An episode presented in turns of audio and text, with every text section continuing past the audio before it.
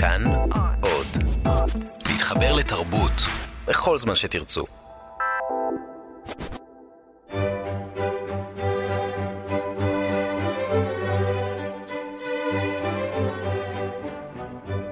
מאחורי הקלעים, שעה עם רותי קרן על צידו הנסתר של עולם התרבות והאומנות.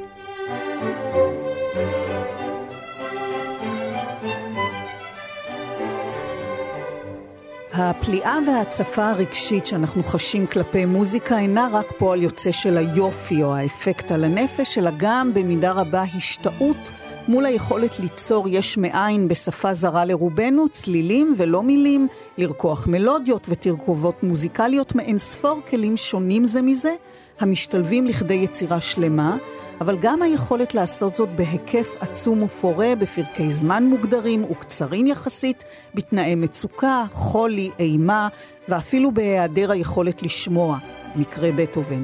כתבי היד שהותירו מלחינים ותיעוד היסטורי אמנם מאפשרים לנו להציץ אל תהליכי העבודה שלהם גם במאות הקודמות, ובכך נמשיך היום את חלקה הראשון של התוכנית על מעשה ההלחנה ששידרנו בשבוע שעבר. איתנו המלחין, המנצח והמרצה, פרופסור מיכאל וולפה. איתו ניכנס אל מאחורי הקלעים של התהליך היצירתי שלו, כמלחין מגוון רחב של יצירות מוזיקליות להרכבים סימפוניים וקאמריים, קונצ'רטי, סונטות, יצירות ווקאליות ופואמות סימפוניות. בתוכנית הראשונה שוחחנו על אה, הבדלי טכניקה, על תווי זיהוי ועל יצירות אה, לא גמורות.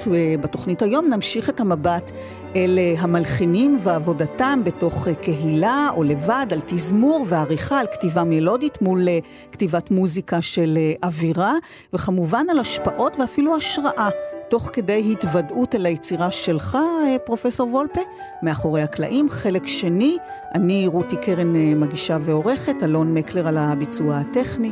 שוב שלום לך, מיכאל. שלום, רותי.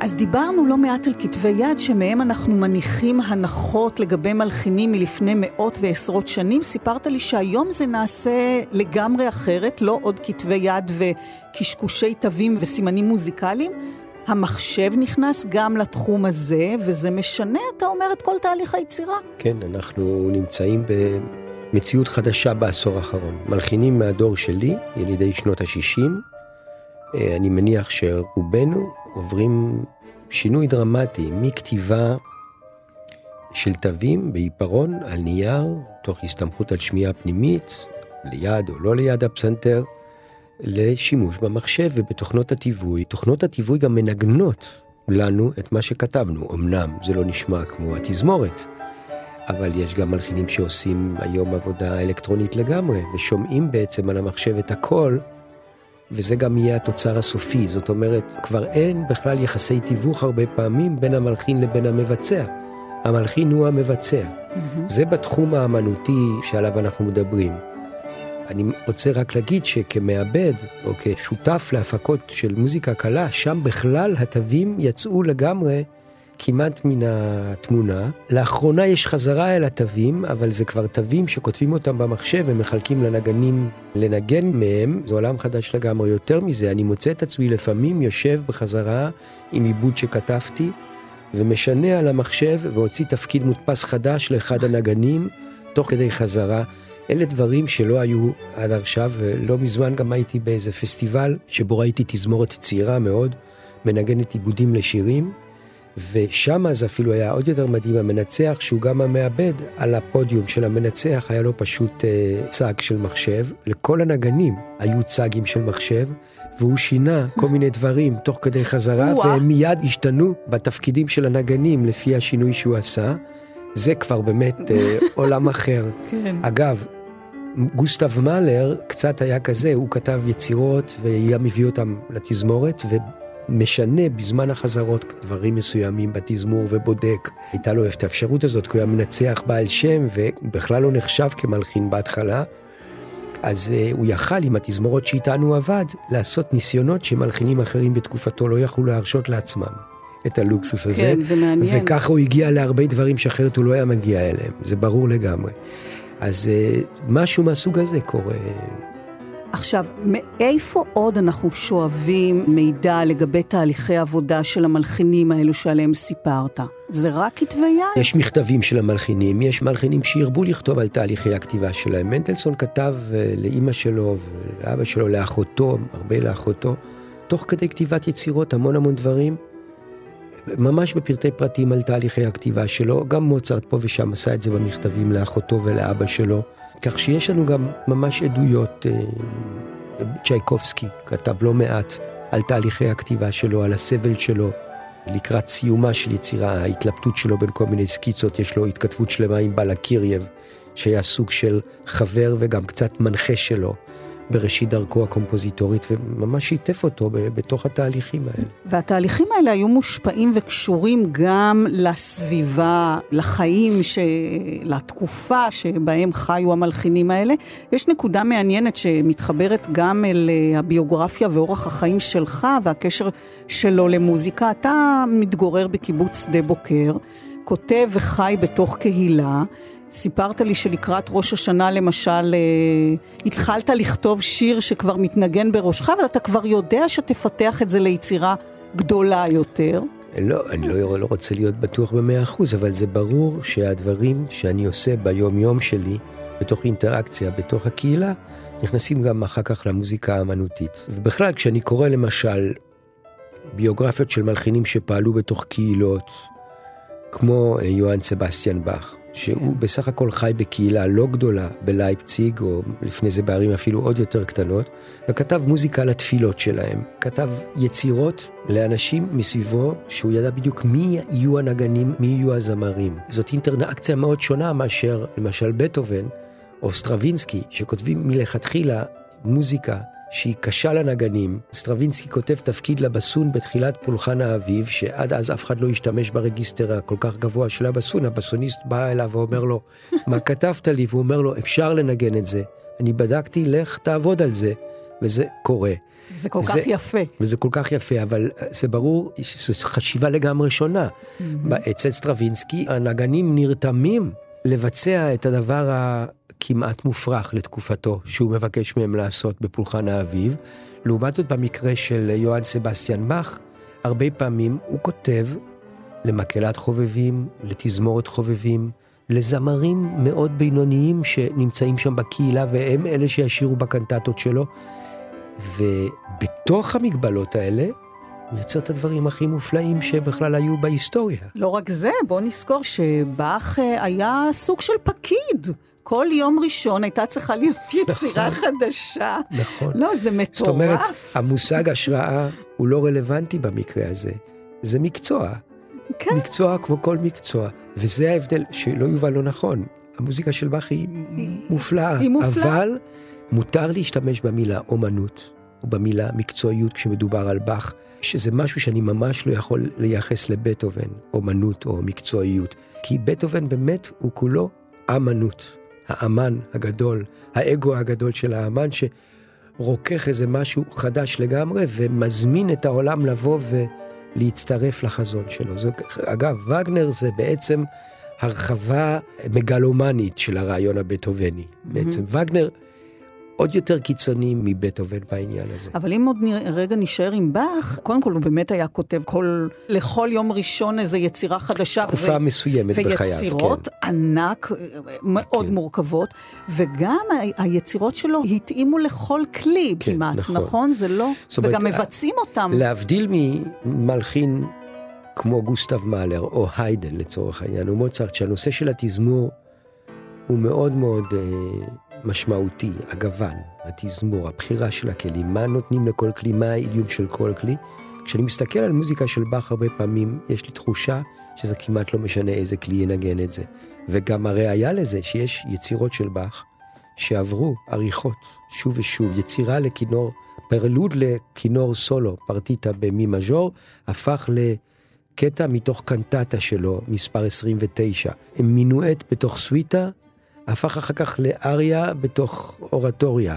פרק לקונצ'רטו לפסנתר הפך לפרק גדול למקהלה ותזמורת בתוך uh, קנטטה אחרת וכולי, ואפשר להראות דוגמאות מרתקות אצל באך, שזו אותה מוזיקה בדיוק. אין שום הבדל, אלה אותם צלילים, רק מתוזמרים אחרת, וזה נשמע מצוין. אתה יכול לקחת יצירה של באך, לתת אותה למנדולינה, טובה, מפוחית פה ואני לא יודע מה, אקורדיון, וזה יישמע מצוין, כי הובלת הקולות זה הדבר העיקרי, השלמות, המקצועיות של הובלת הקולות מאפשרת את הגמישות הזאת. אתה לא תוכל לעשות את זה עם אה, יצירה לפסנתר של שופן למשל, זה לא יעבוד. וזה תוצר של המקום והסביבה שבה הוא גר, הקהילה.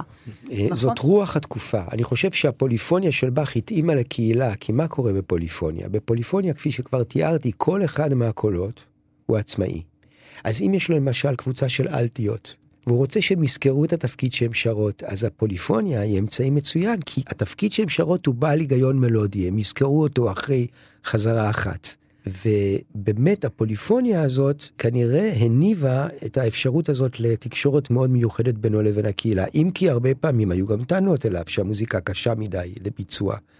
ובכל זאת, הוא באמת דוגמה מאוד מרתקת לאמן וקהילה. ואתה אומן שבאמת עובד בתוך קהילה, אתה מרגיש גם שזה משפיע? קודם כל קטונתי, אני לא כותב כל uh, שבוע uh, קנטטה לאיזה כנסייה, הדרישות ממני הן לא כל כך, uh, הן לא, לא, לא מתקרבות, אבל אני יכול להגיד משהו אחר, שההחלטה שלי לחבר את עצמי לא רק לקהילה, לקהילות, גם כאיש חינוך שמלמד בכמה בתי ספר וגם לחיות בקיבוץ, חשפה אותי בפני המון המון אנשים, בפני המון טעמים. היא חייבה אותי לא להיות רק בדלת האמות שלי, או במגדל השן שלי כיוצר, ולכתוב uh, כמו בטהובן לאלוהים, או משהו כזה, או לעולם, במובן הפילוסופי של המילה, אלא להתייחס קונקרטית למציאות שמסביבי. וזה, דרך אגב, בטהובן גם עשה את זה כשהוא כתב עיבודים, למשל, שירים אירים וסקוטים שהזמינו ממנו בתשלום. הוא גם היה פה ושם בסיטואציות כאלה, אבל נחזור אליי.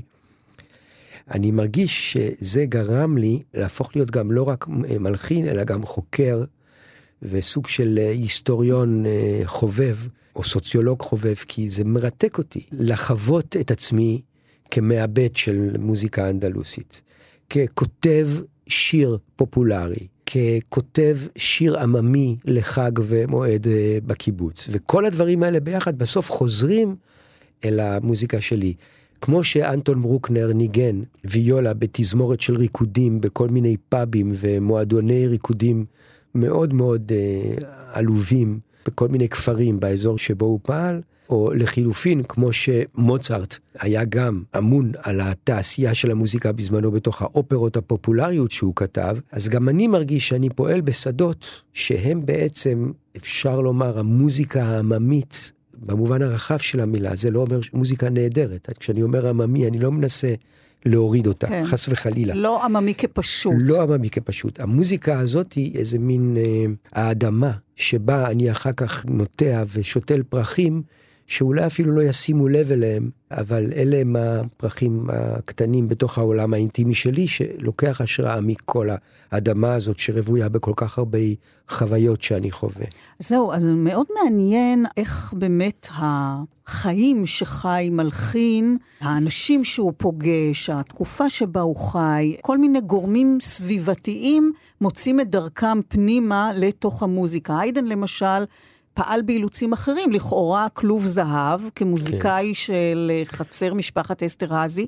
כן. Uh, עד כמה הוא היה פתוח למה שהתרחש מחוץ לאחוזה? תראי, היידן הוא באמת, פעם אולי נעשה תוכנית על היידן, כי זה מרתק, אנחנו לא נצא מזה. חייו אה, בתוך האחוזה הזאת היו מרתקים. כי הוא בתוך האחוזה הזאת היה איש העולם הגדול, בין השאר, משום שהמון אנשים באו לבקר אותו. הוא הלך והתפרסם בזכות המוזיקה שלו, ואנשים שחרו לפתחו ובאו לאסתרזי במיוחד לפגוש את היידן. ניקולאי אסתרזי היה מאוד מרוצה מזה, כי זה פרסם את הארמון שלו, mm. שבסך הכל לא היה חשוב. והפך אותו להיות הנסיך של היידן, הפטרון של היידן, וככה הוא נזכר עד היום.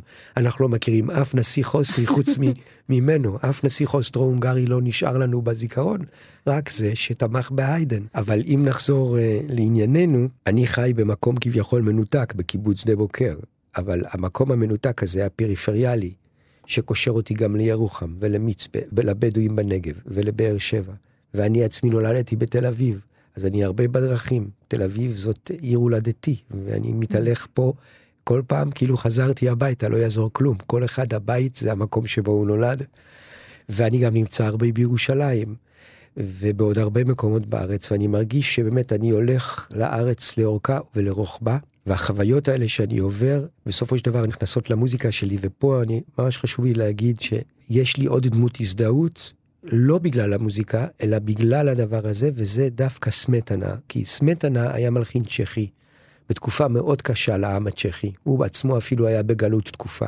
וממש לקראת סוף ימיו, כשהוא כבר חירש גמור, דרך אגב, כמו בטהובן, הוא כתב בעצם את היצירה הכי גדולה של חייו, שזה מחזור של שש פואמות צימפוניות, שהוקדשו לעם שלו, והן מנוגנות עד היום, אף על פי שזה ברור לגמרי שהן לא מושלמות. אולי המולדבה, הפואמה השנייה, היא מושלמת באופן אובייקטיבי, אבל אני כבר פגשתי לא מעט מוזיקאים שבצדק יש להם הערות על התזמור פה ושם, על הרמוניה כזו או אחרת וכולי. ובכל זאת, עם כל אי השלמות שלהן, הן מנוגנות ללא הפסק, ובצ'כיה במיוחד, הם הפכו לסימבול לאומי. עכשיו קטונתי עוד פעם, אנחנו מדברים שוב על גאון גדול ועל עם מאוד מוכשר שכתב את אחת האופרות הכי יפות ברפרטואר, את הכלה המכורה, שזאת פשוט יצירת מופת, ועוד יצירות.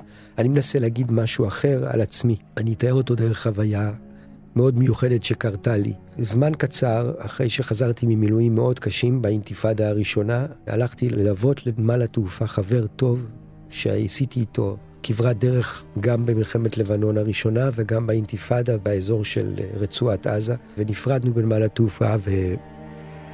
זאת הייתה פרידה מאוד נוקבת בשבילי, כי הוא בעצם החליט לעזוב את הארץ. הוא לא חזר ארצה בעצם, הוא נשאר. ואני הרגשתי את הפרידה הזאת כלא פרידה שאני אבוא עוד חודש לקחת אותו חזרה הביתה, אלא פרידה נצחית על רקע הדברים שחוויתי פה בארץ. וכשיצאתי מנמל התעופה, ונסעתי הביתה לשדה בוקר. עלתה במוחי מנגינת חצוצרה, שהייתה מצד אחד מנגינה של טבע ומנגינה לאומית כזאת, כמו ברומנטיקה, אבל מצד שני היה בה עצב מטורף. אני שומע את המנגינה הזאת, ואז אני שומע את הליווי של כלי הקשת שילווה אותה.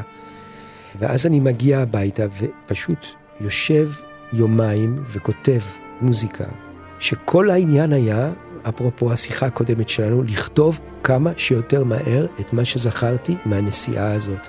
כי פשוט שמעתי את כל היצירה בשמיעה הפנימית שלי, בפרטים. זה משהו שלא קרה לי קודם. והסיבה שזה קרה, להבנתי הייתה כל החוויות שאגרתי כמה שנים כאזרח הארץ הזאת, כבן אדם שגם אוהב את הארץ הזאת ומחויב לה, ומבין שבאהבה זה לא תמיד טוב. זאת אומרת, האהבה שלי לא תלויה בדבר. וגם אם יש לי המון ביקורת, וגם אם אני כועס, אני עדיין אוהב את הארץ שלי ואוהב את העם שלי, והעם שלי זה כל האנשים שיושבים פה. לא רק uh, בני עמי היהודים, אלא גם כל האנשים שאני מכיר, בדואים וערבים ודרוזים וכולי. והמנגינה הזאת והכתיבה הזאת הובילו אותי לתהליך קומפוזיטורי נוסף, שגם עליו דיברנו קודם. אחרי שסיימתי את זה, הבנתי שזאת לא היצירה היחידה שתהיה. כבר הבנתי שקורה כאן משהו יותר גדול, שיש כאן מסע בצלילים שאני פתאום נעשה מחויב לו. עכשיו, להבדיל מסמטנה או בטהובן, אני לא חושב שמישהו מעוניין בזה. כשסמטנה היה מלחין בצ'כיה, הוא היה גיבור לאומי ממש, ומלחינים מהסוג של סמטנה באותה תקופה נחשבו ממש אייקוני תרבות. אנחנו חיים היום בתקופה אחרת. המוזיקה היום שייכת לאייל גולן ול... שרית חדד, לא למיכאל וולפה. ועם כל הכבוד אפילו לחברים שלי מאוד מצליחים כמו גיל שוחט, גם גיל, שהוא גאון בפני עצמו, הוא עבר לפעול בשדות של מוזיקה אחרת.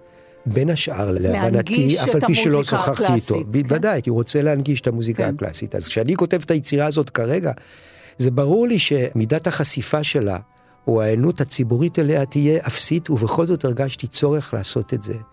ואז, זמן קצר אחרי שגמרתי את היצירה הראשונה שקראתי לה הרהורים על ארץ אבודה, נסעתי לטנגלווד, לארצות הברית, ושם עברתי עוד פעם לפרטיטורה הזאת ותזמרתי אותה מחדש, וככה היא בוצעה בתזמורת הקאמרית הקיבוצית, בניצוחו של דורון סלומון, ואז, זמן קצר אחרי זה, כשאני עוד שואל את עצמי מה אני אכתוב, התחילו להגיע לארץ גלי הגירה מרוסיה. ויום אחד שמעתי מנגינה של מנדולינה ואקורדיון בראש שלי, עוד פעם, קרה אותו דבר, כתבתי אותה מהר, ואחרי כמה ימים אני הולך לבית חולים הדסה לבקר חברה טובה של אמי, שחולה בבית החולים הזה, ממש באותה קומה של המחלקה האונקולוגית, נפטרה אמי, משהו כמו 20 שנה קודם, ואני יוצא משם עצוב נורא, גם על החברה הזאת של אמי שחולה, וגם על פתאום נזכר באימא, ופתאום אני שומע בחוץ בוואדי תנים מייללים, התנים שאני זוכר מהירקון כילד בתל אביב, תנים שנעלמו לגמרי. והדבר הראשון שעולה לי בראש זה הצירוף,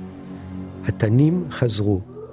שאחר כך הסתבר שיש גם שיר כזה של משורר בשם אלי אלון, שאחר כך ביקשתי ממנו את השיר הזה שיהיה בכריכה של היצירה, וכתבתי יצירה, התנים חזרו, אבל פה מתחיל עוד תהליך. במשך שנה הקלטתי תנים, וערכתי את ההקלטות של התנים האלה, ועם המנגינה של האקורדיון והמנדולינה ביחד נולדה היצירה השנייה, התנים חזרו.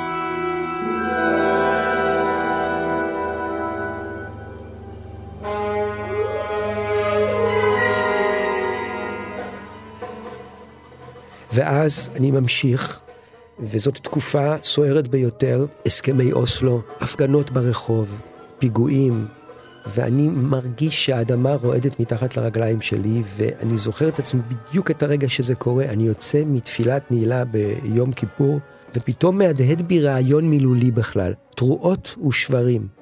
מהשופר, לא הנגינה של השופר עצמה, אלא המילים, תרועות שברים. שמצד אחד אנחנו מריעים ושמחים ורוקדים וגאווה ושמחה, ומצד שני שברים וקינות וני והקונטרסטים הבלתי נסבלים האלה בחיים שלנו, והתחלתי לכתוב את היצירה. הפעם הכתיבה הייתה לי מאוד מאוד קשה. המון המון סקיצות, ואיך אני בדיוק, היה לי את הרעיון של התרועה, אבל איך אני אמשיך אותו. ותוך כדי היצירה הזאת רצחו את רבין. תוך כדי שאני כותב את היצירה הזאת, ואני ממשיך לכתוב אותה, ויש לי ממש תחושה שהיצירה הזאת נכתבה כמו איזה מין יומן, חודשיים לפני וחודשיים אחרי הרצח של רבין. וזאת היצירה השלישית. והאירוע הקשה הזה, אתה מרגיש שהוא באיזשהו מקום השליך על היצירה? לגמרי. זה, אני ממש הרגשתי שאנחנו לקראת קטסטרופה. זה היה לי ברור. כי אני, בתור אחד שעובר בכל מיני מקומות, יכולתי מצד אחד לראות את האופוריה, למשל בקיבוץ שלי, שאנשים חשבו שזהו השלום הגיע, אבל אחר כך ללכת לקונסרבטוריום ירוחם ולשמוע שם אנשים שפשוט באבל, שפשוט הם משתגעים מצער ולא יודעים מה יהיה, ואני חוויתי את הקרע הזה עוד לפני שבכלל דיברו עליו, אני ממש חוויתי אותו פיזית, אני גם מצאתי את עצמי כל יום חושב ההפך. זאת אומרת, זה לא הייתי, לא, איבדתי לגמרי את הביטחון בגלל המעברים האלה. ואז אחרי הרצח של רבין, וגם כל מה שקרה אחרי זה, אני זוכר את עצמי מדבר עם חברים שלי והם אומרים, טוב, עכשיו, אחרי שרצחו את רבין, אז יהיה לכולם ברור. אמרתי להם, אתם לא מבינים, שום דבר לא יהיה ברור, ואני כבר אומר לכם, אתם טועים, אתם תראו, עוד מעט יהיו בחירות, אתם תראו שבנימין נתניהו ייבחר. ואמרו לי, תגיד לי, מה זה הפסימיות? אמרתי, זה לא פסימיות, אתם פשוט לא חיים את המציאות. תלכו לירוחם, תלכו למצפה רמון, תלכו לירושלים, אתם מספרים לעצמכם סיפור לא נכון. ובאופן מאוד לא צפוי, הבחירה של נתניהו בפעם הראשונה, וכניסתו לבנייני האומה המאוד מפורסמת, והחגיגה הגדולה שהייתה בירושלים נערכה במקרה לגמרי ביום שבו הייתה הבכורה של הפואמה השנייה שלי, התנים חזרו. אני רוצה לציין, אני לא כותב את היצירות לביצועים, אני כותב אותם כי אני צריך לכתוב אותם. אחר כך גם קוראים ביצועים, אבל כן. זה יצא ככה. Mm. ואנשים חשבו שאני כתבתי את היצירה הזאת עם היללות של התנים כמחאה, אבל לא כתבתי אותה כמחאה, יותר כתבתי אותה כבת קול למצוקה שאני חשתי, ולחרדה שלי לעתיד העם שלי ולעתיד המולדת שלי. ואיזה געגוע אולי גם. וגם געגוע כמובן מאוד כן. מאוד גדול. זה מעניין, אתה מדבר על קשר למולדת וללאום ולמקום, ואיך הקשר הזה מקבל הרבה פעמים אה, באופן מעוות אולי ביטוי מוזיקלי מסוים. סיפרת לי כשמדובר בשלטון טוטליטרי כמו זה שהיה בברית המועצות, ששוסטקוביץ' נאלץ לכתוב נכון. בשירות השלטון. נכון. ושר... יש אפילו סיפור, נשים רגע את שוסטקוביץ' בצד, על מלחין אחר, או קבוצה של מלחינים שנעלו אותם בחדר, כדי לגמור לכתוב איזה המנון למפלגה הקומוניסטית, ואחד מהם עשה במכנסיים. כאילו, שוסטקוביץ' מתאר דברים מאוד קשים בזיכרונות שלו, דרך אגב, יש ויכוח אם זה הזיכרונות שלו, כמה זה אותנטי, אבל זה לא משנה. דברים כאלה היו בברית המועצות הקומוניסטית. שוסטקוביץ' כתב לפחות שתי סימפוניות, שתיים ושלוש, ואחר כך עוד סימפוניה אחת יותר מאוחרת, 12, הוא כתב בהזמנות. אבל הזמנות בתקופה ההיא זה לא היה שאתה אומר כן או לא, ואתה, הוא היה חייב לכתוב אותם כדי לשרוד. עכשיו הייתה לו את כל המקצועיות ואת כל הכישרון לכתוב יצירות מופת. גם. גם במקרה הזה, אבל רואים ממש אפשר לראות את ההבדל בתהליך, במקרה הזה אפשר לראות את זה אפילו בכתבי היד. Mm-hmm. רואים בכתבי יד האלה שיש מצד אחד משהו מאוד זורם, הוא כותב את זה מאוד מאוד מהר, אבל המהירות הזאת היא לא בגלל שיש לו איזה גשטלט מושלם, אלא הוא פשוט כותב במקצועיות הרבה מוזיקה כמי שרוצה לסמן וי. איך אומרים? לצאת ידי חובתו. כן. אבל אתה אומר שמסתכלים על היצירות, רואים איפה פרץ הלא מודע שהיה כן. לו. כן, אה, אה, זה בסימפוניות האחרות, יש ממש מקומות שהסרקזם והטרגיות פורצים אפילו כשהוא כאילו לא רוצה שזה יקרה. ואולי רק עוד דבר אחרון לגבי שוסטקוביץ', מה שהציל את שוסטקוביץ', לדעתי, וגם את פרוקופייב, אבל במיוחד את שוסטקוביץ' זה ההומור. בתוך כל הטרגדיה הזאת היה גם הומור. את ההומור הזה הוא למד ממאלר, וממוצרט, ואולי גם קצת מצ'ייקובסקי, ובכלל אני חושב שהנושא של הומור, אני לא מתכוון להצחיק, אלא מדי פעם להסתכל על עצמך בצד. לא לקחת את הכל ברצינות תהומית. אחת הבעיות הכי גדולות של המלחינים הסובייטים אחרי שוסטקוביץ' וכל הקבוצה הזאת המינימליסטית, הרליגיוזית הסובייטית, לדעתי, שאין להם בכלל הומור. הם כל כך תקועים בתוך העצב ה... האינסופי שלהם זה בעייתי מאוד לדעתי מבחינה אמנותית. אתה היית מסוגל לכתוב או כתבת פעם יצירה מוזמנת? הייתה לי תקופה קצרה מאוד שכתבתי בהזמנות. כן. הפסקתי עם זה, משום שאני הייתי נורא נלחץ מהדדליין, ולרוב לא הצלחתי להגיע לדדליין באופן שמשביע את רצוני, והיום, לעיתים רחוקות מאוד, אני כותב בהזמנות, ואם, אז זה לא ממש הזמנות, אלא פונים אליי, ואני יודע שיש יצירה שלי שעומדת להסתיים, ואז אני אומר כן. אם אין לי דבר כזה, אני אומר לא. אני לא מכניס את עצמי לסד של כתיבה על משהו שאין לי מושג אפילו ירוק, עוד איך הוא בכלל יישמע, אני לא נכנס לזה. אז בואו ניכנס אולי לתהליך, תהליך העבודה שלך ואיך הוא מתגלגל. נזכיר למאזינים שבמאחורי הקלעים היום חלקה השני של התוכנית על אה, מעשה ההלחנה באולפן כאן תרבות, המלחין פרופסור מיכאל וולפה ואני רותי כרם, ונוסיף שאפשר אה, להאזין לנו גם באפליקציית כאן אודי. כל תוכניות כאן תרבות, ההסכתים, גם את התוכנית הזאת אפשר למצוא שם, מוזיקה, חדשות וכל מה שמעניין אתכם. אז מתחיל רעיון, איך אתה בוחר את סוג היצירה, האם זאת תהיה יצירה קאמרית, להרכב מצומצם, או יצירה לתזמורת גדולה, אם זה יהיה קונצ'רטו, ואז לאיזה כלי, ובתוך היצירה, איך נבחרים הכלים, איך משלבים ביניהם. זאת גם כן שאלה שיש לה שני היבטים. היבט אחד הוא מסתורי לגמרי, לפעמים אתה אפילו לא יכול להסביר לעצמך למה את הכלים האלה אתה שומע או למה את הרכב הזה אתה שומע, ההיבט השני הוא דווקא הפוך. לפעמים אני כותב משהו מופשט, שאני עוד לא יודע מה הכלים שיהיו לו, ואז פתאום פונה אליי מישהו מאיזה אנסמבל, ואומר, שמע, יש לנו עוד חצי שנה קונצרט, אפשר להזמין אצלך, ואז אני אומר, אתה יודע מה, יש לי עכשיו משהו שאני כותב, אני אתזמר אותו לאנסמבל שלך, ואז כבר התהליך הסופי של היצירה מכוון אותי עם מה שכבר כתבתי להרכב המבוקש. אז זה בעצם הולך לשני הכיוונים, או יכול להיות מצב שבו למשל כתבתי יצירה למקהלה ופסנתר. שיר למקהלה ופסנתר, והוא כולו כתוב. ועכשיו אני אומר, רגע, זה נחמד, אבל בעצם יש כאן פוטנציאל למשהו אחר, יותר גדול, וזה בדיוק מה שקרה לי בפואמה הרביעית, השיבה למדבר. אחרי רצח רבין, ובכלל כל התקופה הזאת של uh, סוף שנות התשעים, חוויתי טלטלות מאוד מאוד גדולות, ובאיזשהו שלב איזושהי התקצות פנימית וגם איזשהו חוסר השראה. זו תקופה שכתבתי הרבה מאוד שירים לחגים ולמועדים דווקא בקיבוץ, רוב הרעיונות שלי הלכו לכיוון הקהילתי. ואז, שוב, אני זוכר בדיוק את הרגע שבו זה נבט בי, נגמר חג סוכות בקיבוץ, שהוא חג מאוד אינטנסיבי בשבילי כל שנה להרים את החג הזה, אני צריך לכתוב הרבה עיבודים. זה חג מאוד שמח ומאוד עשיר במוזיקה.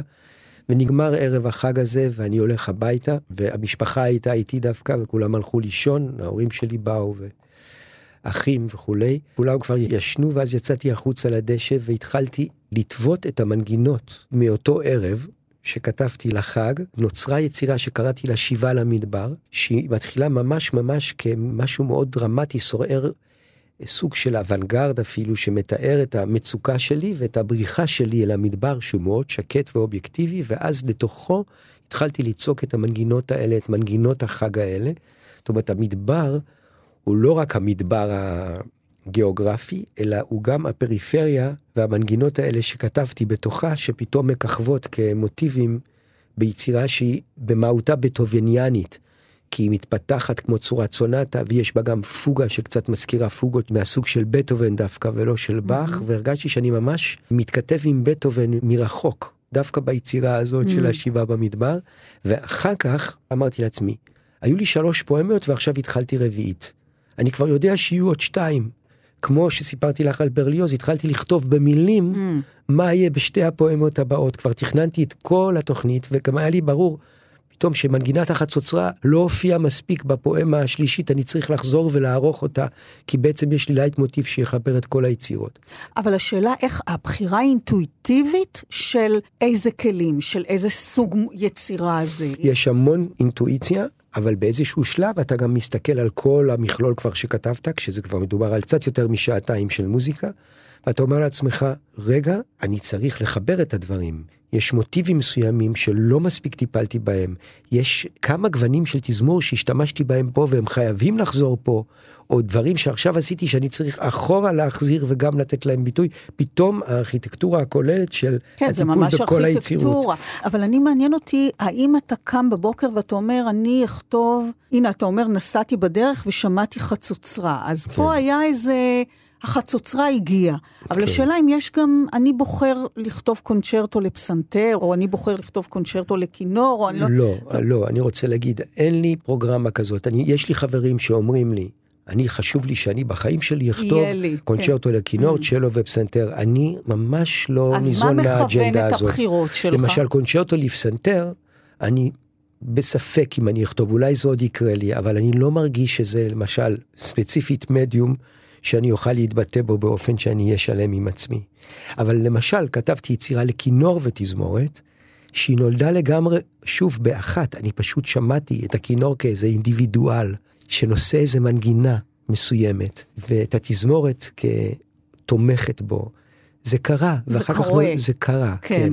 כן. לא, אתה מדבר פה גם על העניין של אה, מנגינה שמובילה, וזה לוקח אותנו גם אל הנושא, עשינו בתוכנית הקודמת הבחנה בין המלחינים ששומעים את היצירה במוחם ומעלים אותה על הכתב, לעומת כאלה שכותבים אותה תוך כדי תהליך כן, של כן. חיפוש, יש גם את המלחינים שכותבים מלודיה, שהם מלחינים מלודיים, לעומת מלחינים הדוגמה שכותבים... הדוגמה הטובה ביותר למלחין מלודי, שכולם מופתעים שאני אומר את זה כל פעם, זה גוסטב מאלר.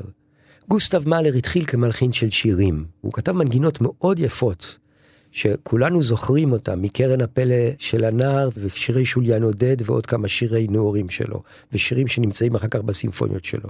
עכשיו, את המנגינות של השירים האלה, הוא יצק אל תוך פרקים רחבי יריעה, סימפוניה ראשונה, שנייה, שלישית, רביעית, מבוססות על השירים האלה.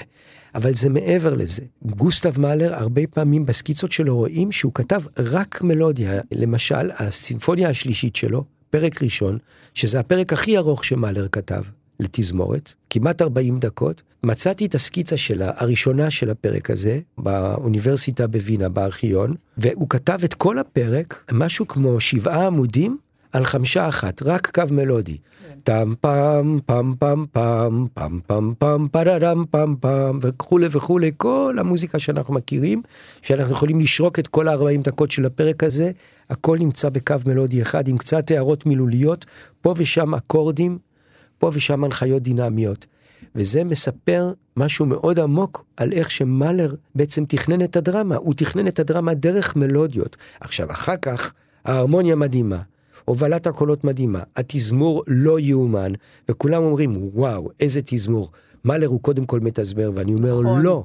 התזמור, ההרמוניה, הובלת הקולות, הם כולם בשירות המלודיה השירית הזאת, הקומוניקטיבית, בגלל זה גם מאלר כל כך מצליח. אם ניקח מלחינים אחרים, למשל סקריאבין, שאצלו הצבע, והתזמור הם כל כך דומיננטיים, אבל אין מלודיות, זאת הסיבה שאנשים פחות מכירים את סקריאבין. קשה לשמוע סקריאבין, אין לך נקודת אחיזה מלודית כמו אצל מאלר.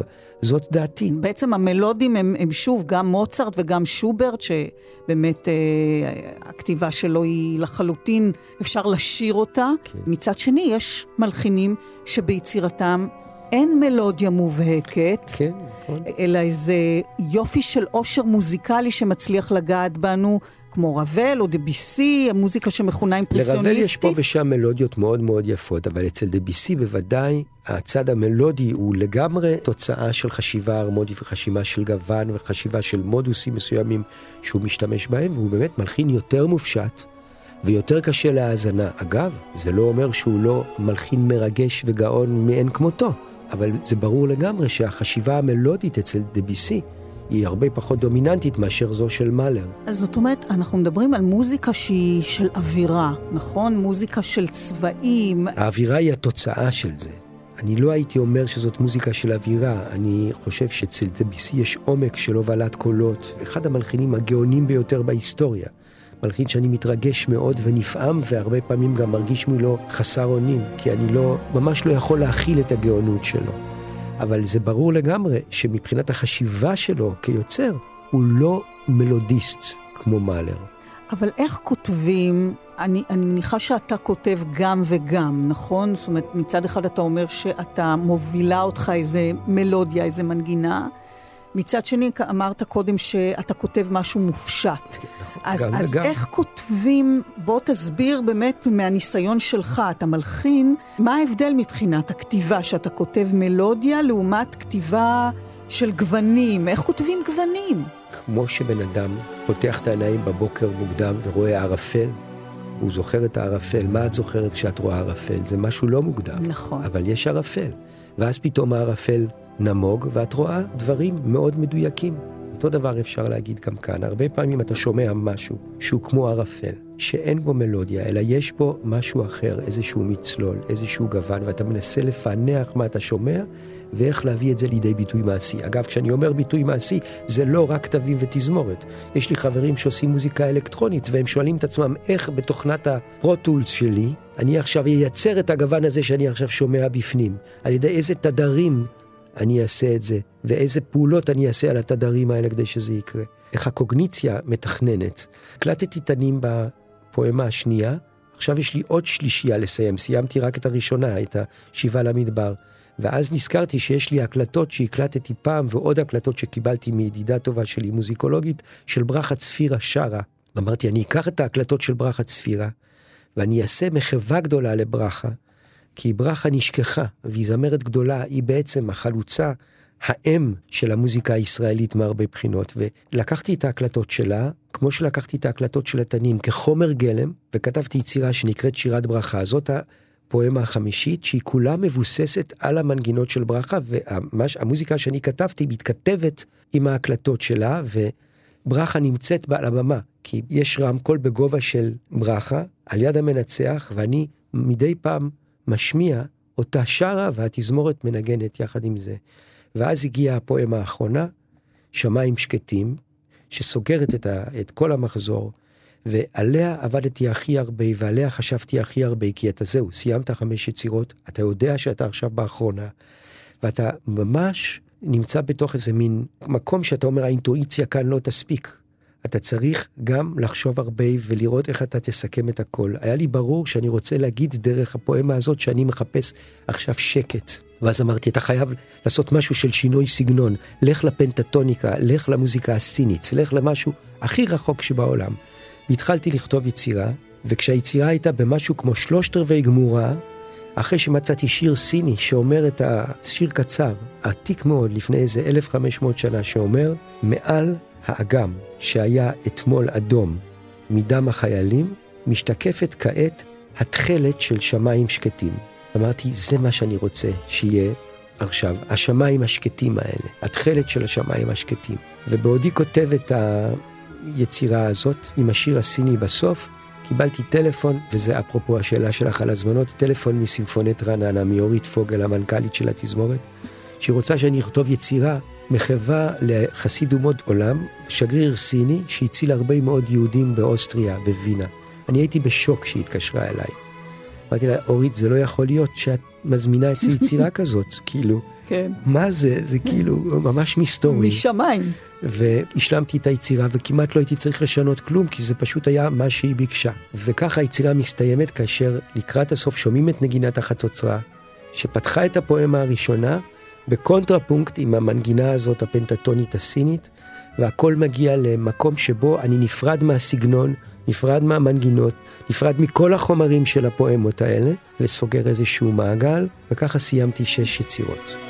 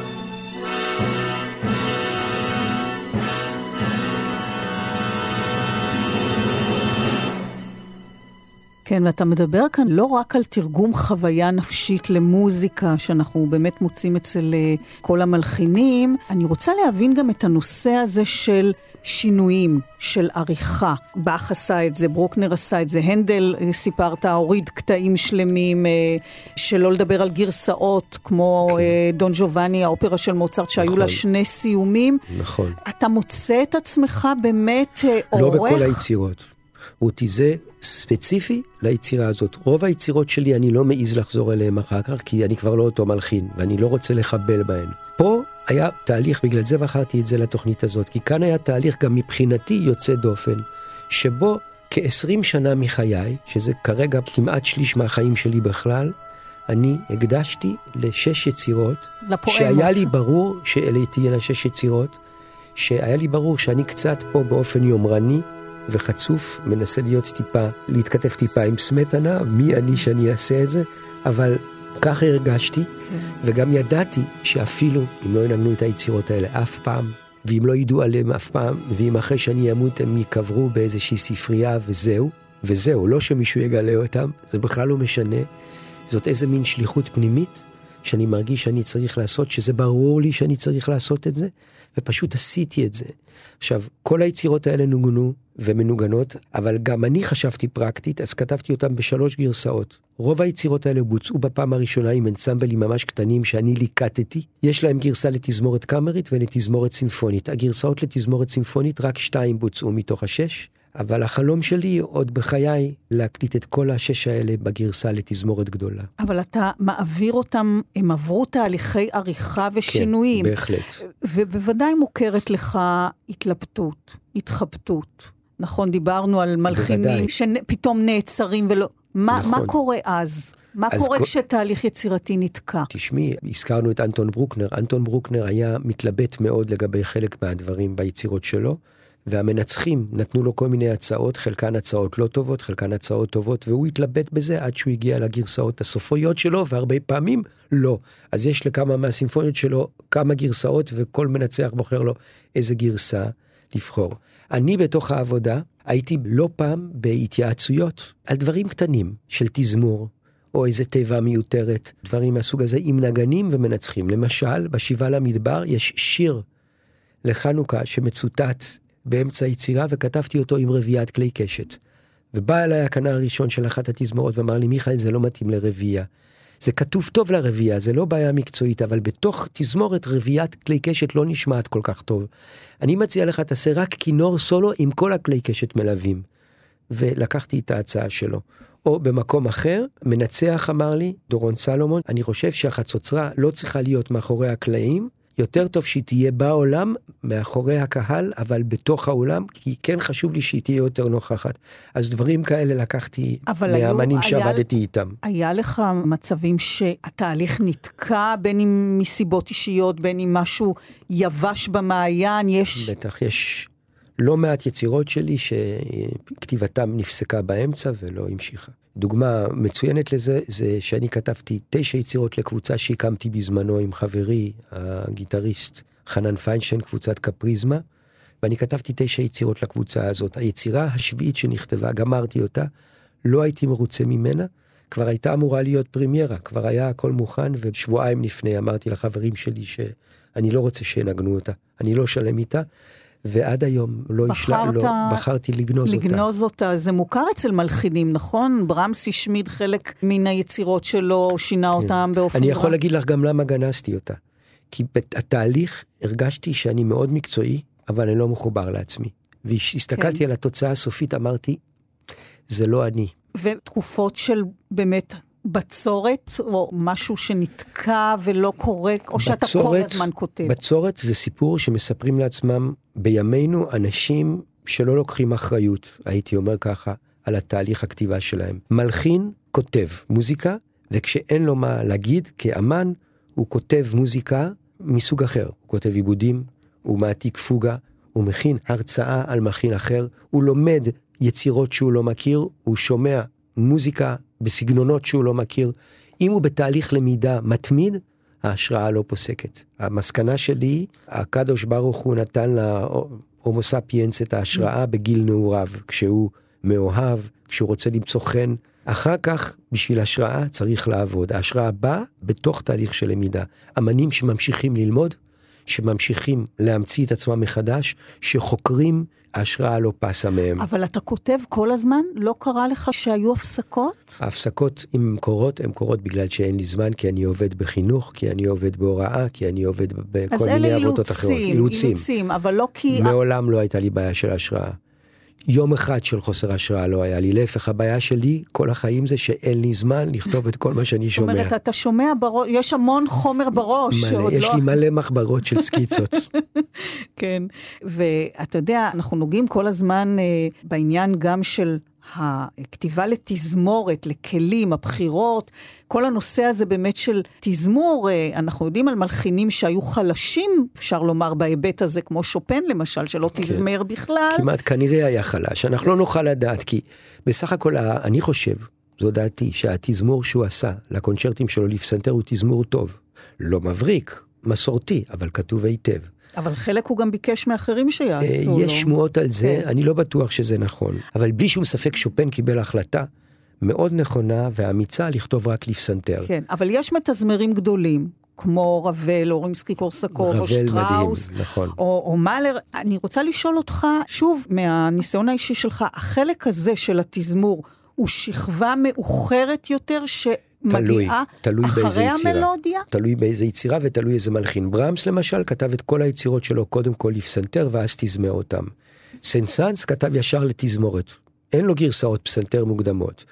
רבל, שהוא מתזמר מדהים, אז על פניו הייתם אומרים הוא בטח כמו סנסנס, אבל לא, רבל כתב את הכל קודם כל לפסנתר ואז תזמר מדהים. Mm-hmm. עכשיו, בתזמור של רבל אני מזהה שתי תופעות מנוגדות. אחת, תזמור מסורתי, שלם, by the book, והשנייה היא המצאות מטורפות, כמו שקורה למשל באופרה שלו, הנער והקסמים, שלדעתי זה כמעט ניסוי וטעייה. יש שם ממש מעבדה של גוונים. הוא בדק, ואני מניח שבחזרות הראשונות הוא אולי אפילו שינה פה ושם דברים קטנים, כדי שהם יגיעו לדיוק שהוא שמע בשמיעה הפנימית שלו. אני יכול להגיד על עצמי, שלמשל בשמיים שקטים יש כמה מקומות שהתזמור היה ממש סיכון. לקחתי סיכונים. כתבתי כלומר? דברים שאני שומע בשמיעה הפנימית שלי, אבל לא היה לי בכלל ברור אם יש לי הוכחה שזה באמת יצליח לי. ובשני מקומות ביצירה הזאת, אחרי החזרה הראשונה, עשיתי שינוי. כי ראיתי שזה לא עובד כמו שחשבתי. אז גם זה קורה. כן, אבל אתה כותב את זה בשכבה על שכבה, או שזה בא ביחד? זאת אומרת, אם אתה אומר שאתה מסתובב עם המנגינה, מקומ... אתה כבר שומע גם את כל היתר הכלים? במקומות שבהם יש מנגינה, שאני כותב לה עיבוד כמו שיר, אז זה שכבות שכבות כמו שאת מתארת, אבל במקומות שאני שומע גוונים מסוימים, או... שזה יותר אבסטרקטי. יותר אבסטרקטי, אז אני שומע את הכל בבת אחת. הכל בבת אחת, הכל בבת את כל אחת. הכלים. בוודאי, בוודאי.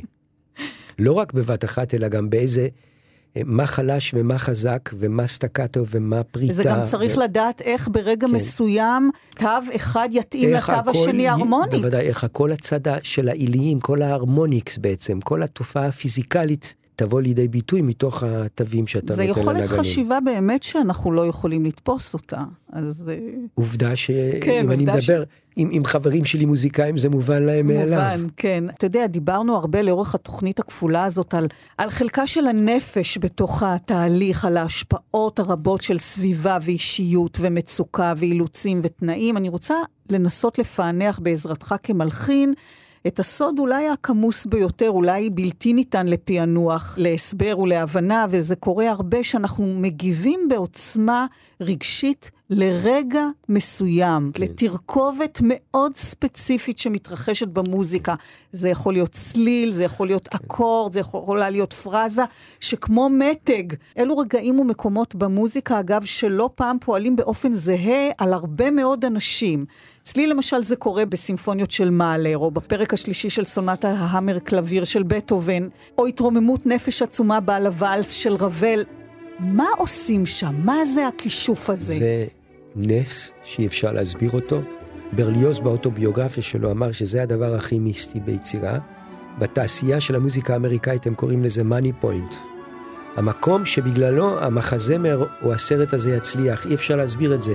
אתה עובד שנים, כותב מוזיקה, ופתאום, באיזשהו מקום אחד ביצירה שלך, זה קורה. למה? למה דווקא היו לילות של מרדכי זעירה הוא השיר שהכי התפרסם שלו? יש לו שירים יפהפיים, זה התפ... אי אפשר להסביר את זה. אבל אני לא מדברת זה... אפילו על, על, על לא, יצירה לא, ברור, שלמה, על ברור, רגע. ברור, אני מבין למה כן. את מתכוונת, בוודאי.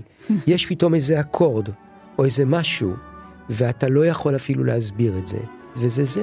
אתה לא יכול, גם אתה כמלחין, כמוזיקאי, לא. אתה לא יודע? כל פעם שאני מסביר את זה לעצמי, אז ההסברים האלה טובים גם לדברים שלא הצליחו. Mm-hmm. נניח אני אומר, המנגינה הזאת היא טובה במיוחד כי המנעד שלה ככה, או יש בה את המרווחים האלה, כן. או בגלל שזה אבוב עם כלי קשת. נכון. אבל אז אני נזכר שיש עוד מנגינה עם המרווחים האלה, ושגם בה יש אבוב וכלי קשת, והיא לא הצליחה.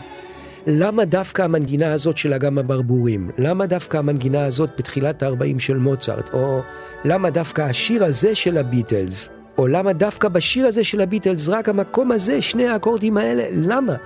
ולא אקורדים אחרים לא פחות מעניינים אינטלקטואלית. אי אפשר להסביר את זה. אי אפשר להסביר את זה, זה הקטע כן. המסתורי, המופלא, רגע החסד של האמן. שאלת ההשפעה של מוזיקה על בני אדם היא מאוד מורכבת. אה, דניאל ברנבוים אומר את זה בריאיון אה, שהוא נתן לאמיר מנדל, והוא סיפר לו שכשהוא ניצח בפסטיבל וגנר, נכדו של המלחין הראה לו נקודה מסוימת באופרה לונגרין, שבה באותה תיבה תמיד הופיעה דמעה בעינו של היטלר.